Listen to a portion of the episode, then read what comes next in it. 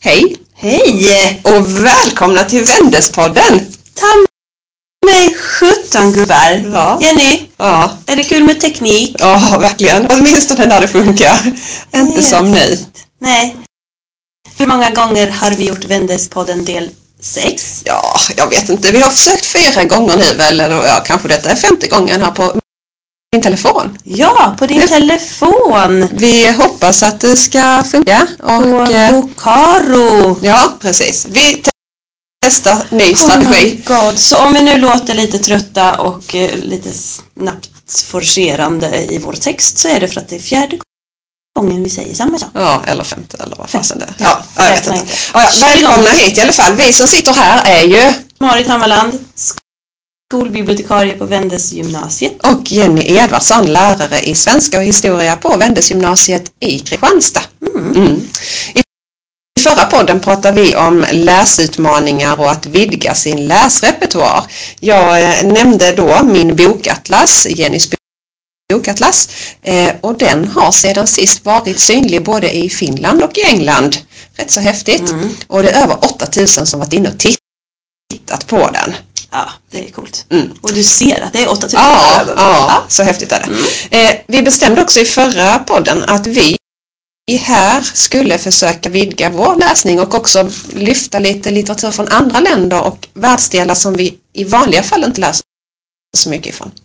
Precis, och till den här gången skulle vi ha läst någon roman från Asien. Och vad jag tänker på när jag tänker på böcker och Asien, det är ju kanske manga och Amulett-serien, den här serien för lite yngre barn. Mm. Det är väl det. Ja. Och jag eh, har ju fått upp ögonen för, eh, inte kanske någon bok så, men däremot att eh, man just nu på Barnkanalen sänder Ron- Ronja Rövardotter och det är då i form av anime, alltså japansk animerad film. Och det är den mycket kända regissören och animatören Goro Miyazaki som har gjort en japansk version av Ronja Rövardotter. Barnkanalen, lördagar klockan 20.00. Och vill man hellre se Melodifestivalen så funkar det ju Play också. Ja, och du har Mm. tittat och du gillar. Ja, ja jag tycker den är klart sevärd. Mm. Ja. Och eh, förra avsnittet så pratade vi om eh, kommande uppdrag. Och på fredag är det ju dags. Mm. Redan på torsdag åker du och jag upp till Stockholm. Ja. För vi har blivit inbjudna av Svensk biblioteksförenings expertgrupp för skolbibliotek. Ja. Det är ett långt namn. Ja. Men de har bjudit in oss och vi ska prata om boksamtal. Som Just vi har det. haft på Mm. byggprogrammet med killarna där. Mm. England Chambers modell för boksamtal. Ja, det. det ska bli skoj. Jättekul. Eh, sen har vi också ett annat uppdrag på gång. Vi ska till Göteborg den 12 maj. Vi har blivit tillfrågade att eh, prata på svenskämnets dag. En dag som hålls för blivande lärare eh, vid Göteborgs universitet. Men också verksamma lärare. Så även där blir det lite boksamtal. Mm, ja, det är jätteroligt. Vi får se vad det leder till detta. Mm. Ja, det var lite så här återkoppling till förra podden. Men nu kanske vi ska tänka lite framåt och lite vad vi har gjort fram till nu. För vi skulle ju ha läst något från Asien. Har du gjort det Marit? Mm, det har jag. Jag har läst Den röda lyktan som jag nu förstår inte heter så. Utan det är filmen som heter så. Och kortromanen som filmen bygger på heter Hustrur och bihustrur. Och jag har läst det här på sajten världslitteratur.se så jag tar det för sanning. Mm. Su Tong heter författaren. Han är född 1963 i Suzhou nära Shanghai. Han var 26 år när han skrev den här boken och det var ju, är ju ganska ungt egentligen måste jag säga. Mm. Och boken då som inte heter Den röda lyktan fast det står det på framsidan utspelar sig i Kina på 1920-talet. Huvudpersonen heter Song Lian och hon är 19 år när hon blir fjärde hustru till Chen Sukian som är en förmögen handelsman av något slag. Och Song Lians far har precis tagit livet av sig. Han var tydligen inte så framgångsrik i affärer så att det har liksom gått åt skogen där. Och hon har nu att välja mellan att utbilda sig eller bli hustru till Chen. Och hon väljer det senare och känner väl då att nu får jag leva i lyx som fjärde hustru. Men det blir inte så som hon har tänkt sig riktigt. För så som ordet fjärde hustru anspelar på så är hon längst ner i rang. Ja. Bland hustruarna. Mm. Och hon känner ju av det här och eh, hon känner att hon blir ju inte älskad till fullo av sin make. Och mycket kretsar kring en brunn som finns ute i trädgården. Och sångligan hon står ofta och tittar ut över den, trädgården och ner i, mot den här brunnen. Och hon har förstått att eh, det är något speciellt med den här brunnen och hon får senare veta att tidigare hustruar har eh, tagit livet av sig och slängt sig i brunnen. Oj, oj. Mm. Så det är väldigt mycket tisseltassel om den där brunnen. Mm. Och en kväll så får hon svaret på de här fruarna som har hoppat i brunnen. Men det har de inte gjort.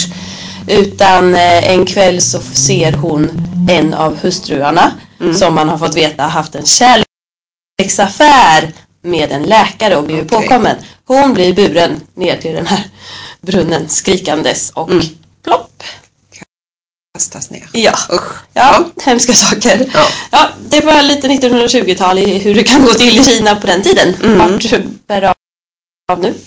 Ja, ni bär egentligen av till USA, men eh, författaren Stephanie Tromley eh, har skrivit en eh, ungdomsroman som heter Det är dags att inte freaka ut. Stephanie är född i Manila, Filippinerna, det räknas ju till Asien. Ja, hon har växt upp i Hongkong men bor nu mera då i USA. Hon eh, jobbar som eh, manusförfattare eh, och skriver då manus till tv-serier. Eh, och det här, det är dags att inte freaka ut, är ju hennes eh, debut som ungdomsförfattare. Mm. Eh, när jag läste boken och då hade fått reda på eh, att hon eh, jobbade som manusförfattare så tycker jag att det finns många sådana paralleller liksom till, till tv-manus och hur man ja, kan se sådana high school-serier framför sig på, ja, eller om man tittar på high school-serier. För det är väldigt mycket stereotypa karaktärer eh, och har man sett någon high school serie eller program så vet man ju att det alltid är snygga killar sportiga sådana, populära tjejer och så är det lite nördar ja, ja. ja, och esteter och så va. Mm. Och så är det i denna roman också. Huvudperson är Zoe, en eh, tjej som eh, bor med sin mamma. Föräldrarna är nyskilda. Eh, och hon har det lite struligt kan man väl säga. Hon hittar väl inte riktigt sin plats på skolan och vet inte riktigt vilken grupp hon ska tillhöra. Eh, så hon är lite utanför. Eh, och där på skolan är också en annan udda figur som heter Digby. En kille. Eh, och de två, ja, deras världar möts. Och de tar på sig att lösa ett litet fall. För att det har försvunnit tidigare men också precis när hon börjar i skolan här Zoe så har det försvunnit en tjej i deras egen ålder. Digby och Zoe är rätt så jämnåriga. Så de bestämmer sig för att ta reda på vad som har hänt de här försvunna flickorna. Så lite så här deckarstuk är det på romanen fast långt ifrån en traditionell deckare för det är mycket annat också som händer. Mm. Påminner lite om I huvudet på Colin Fisher, Ja, känner jag. det gör det. Mm. Båda utspelar sig i USA, båda så här lite skola, high school tema. Eh, båda är det ett brott, ett fall som ska lösas eller så. Mm. Och eh, Colin är ju också lite udda, precis som Zoe Mm. och den här Digby. Precis. Mm. Ja, det är en underhållande roman i alla fall. Klart, klart läsvärd.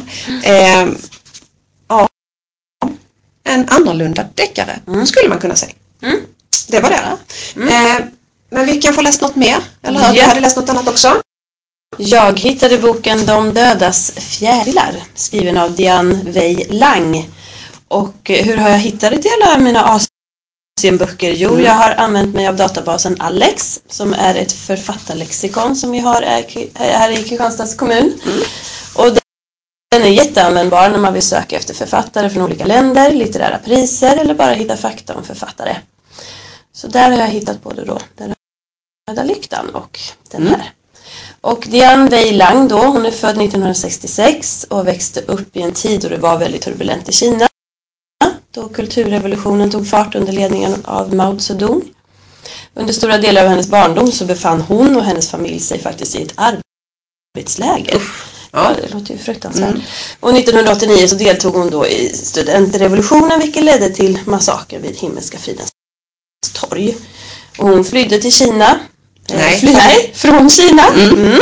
Och det var tack vare att hon fick ett stipendium till en forskarutbildning i ekonomi i USA. Okej, så han har också varit i USA och utbildad ekonom då? Ja, det är hon först och främst. Men nu bor hon i London Mm. och hon besöker ofta Kina där hennes farfar bor kvar. Och um, hon, man märker när hon skriver att hon så gärna vill få fram det här kinesiska och hur man dricker sitt te och hur många grader och vilken typ av te hon dricker och att folk sitter på huk och att det finns något som heter hutonger. Mhm. Mm. Vad är det för något? Ja, det är tydligen några, någon form av gränder. Man, man bor i samma hutong. Mhm. Som ett kvarter här i Sverige kanske? Kanske det. Ja, Mm, vi tror ungefär så. Mm.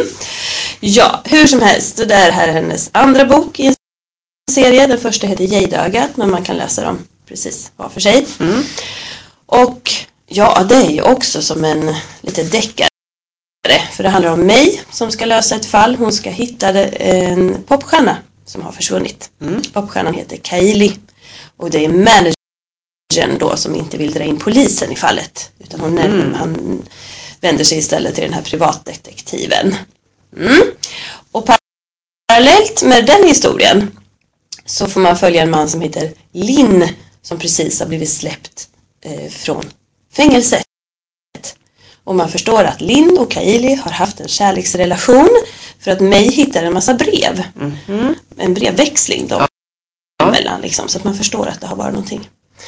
Och det var jättebra tyckte jag det här, lite spännande att läsa just den här parallellhandlingen. Men, men författarinnan hon släpper det ganska snart sen. Så att, Mhm. Det är parallellhandling mellan dem där i Ja, början och sen i början. Och är sen, det ingen nej, parallellhandling. sen, sen försvinner Linn och man, ha, man förstår inte riktigt. Och då får man bara följa mig. Ja, Mm. när hon ska hitta den här Kaili. Ja. Och det är ju jätte eh, så här, ja, spännande. typ. Ja. Jag kan inte säga att jag tyckte den var jättebra. Nähä. Mm, men eh, det är från Asien. Ja, just det. Just det. Ja. Ja. Och vidare, du har läst en ungdomsroman men inte anknytning till Asien. Precis. Jag har ju också läst en roman, en annan roman som heter Chick av Wolfgang Herrndorf och eh, som man hör av namnet Herrndorf så är ju han från Tyskland så det är en tysk författare. Ja, ja, ja. Och jag är väl inte jätteduktig på att läsa tyska ungdomsromaner i vanliga fall så jag är ändå lite glad att jag hittade den här. Mm. Hur hittade du den då? Ja det, det vet Nej, jag, det jag sökte väl och jag hittade bara den Ja. på något sätt när jag var ute på nätet och googlade. Mm. Eh, detta är det stora genomslaget för Wolfgang Herrndorf, alltså den här Chick.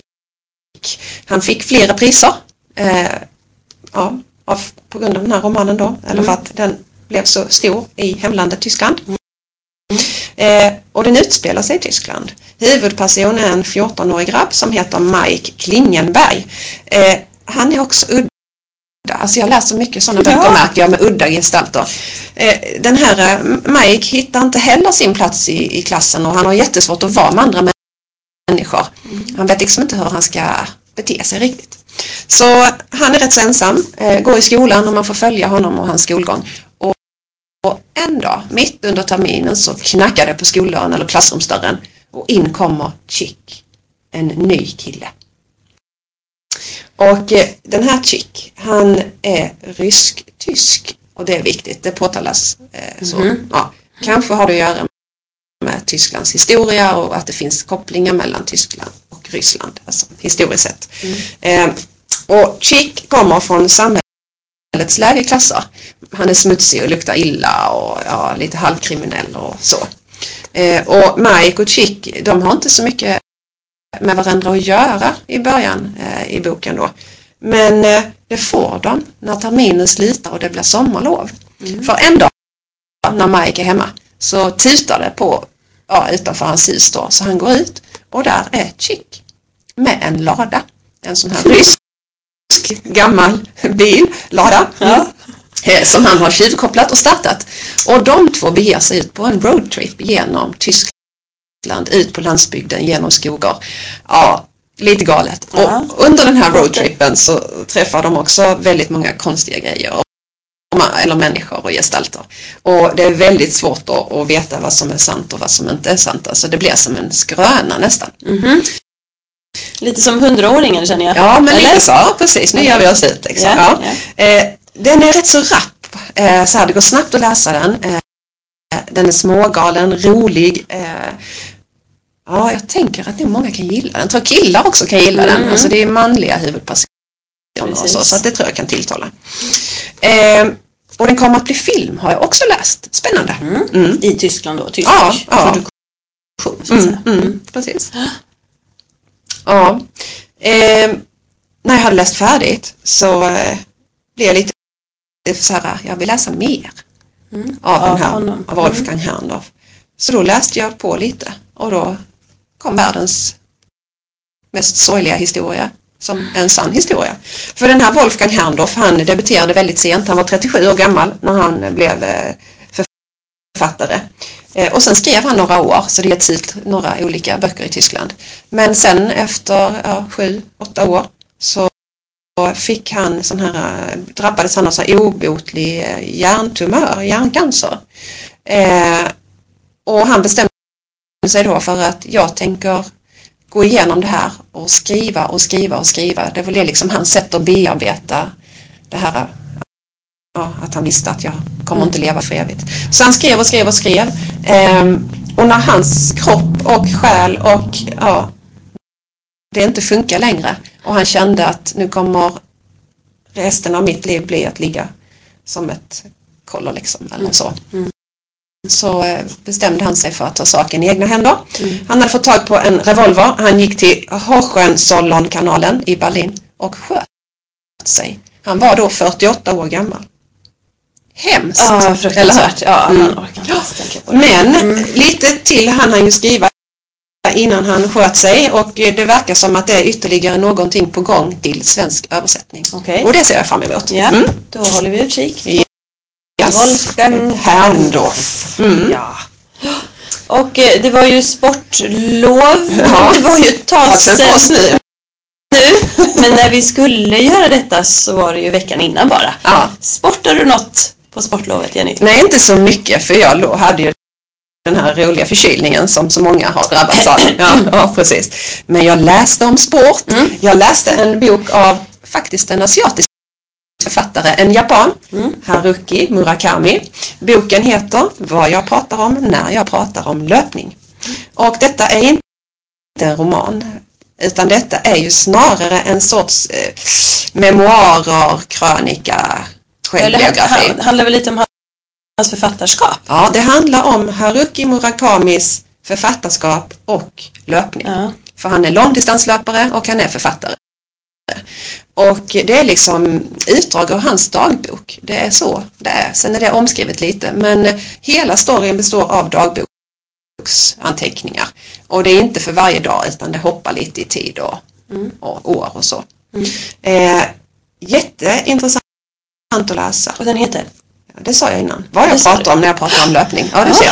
Vi har gjort detta några gånger nu. Mm. Ja. Men eh, jag, jag gillar denna. Kanske för att jag själv springer en del. Mm. Ja, och kunde känna igen mig. Dock är jag inte långdistanslöpare. Eh, jag, Oj, jo. Alltså.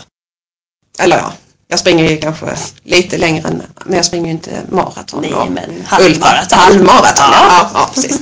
Eh, och sen gillar jag ju den för att han är författare och har tid att skriva. Varje dag sitter han fyra Mm. timmar och skriver och du vet, ja, ja, det är väl en sån där dröm man har kanske att någon gång ja, hittar vi också den tiden. Mm. Eh, boken tror jag passar de som eh, kanske gillar löpning, kanske gillar det här med att vara författare och skriva. Eh, och man behöver inte sträckläsa den i och med att den inte är sådär traditionellt uppbyggd utan det är dagboksanteckningar. Så man kan läsa ett kapitel och sen kan man vänta och sen läsa igen. Ja, Mm. läs den gärna. Ja! Kanske. Ja, kanske. Inget för dig, kanske. Nej, nej. Whatever. Mm. Idag var det en salig blandning kan man säga. Ja. Och dessutom ganska forcerat för att eh, du skulle varit på ett möte nu och Ja. jag behöver åka hem. Just det. Men vi håller tummarna att det nu är inspelat och klart. Just det. Men var ska vi, nästa podd? Var, var tar vi vägen då? Ja, då tar vi och reser vidare från Asien till Afrika. Ja. Jättespännande. Jag har hittat en bok men jag tänker hålla på den. Ja. ja Jag har faktiskt också hittat en. Ja, men vi håller på dem. Ja. Vi hoppas då att nästa podd blir den 6 april. Vi hoppas att tekniken är med oss nästa ja, gång. Annars gråter Annars gråter vi. Och ni som har lyssnat hör ju kanske att ming, minglet, ja, att jinglen saknas. Jingel För så är det också Mm. när man gör om och om Ja. och om. Men eh, vi säger väl på återhörande. Ja. Hej hej!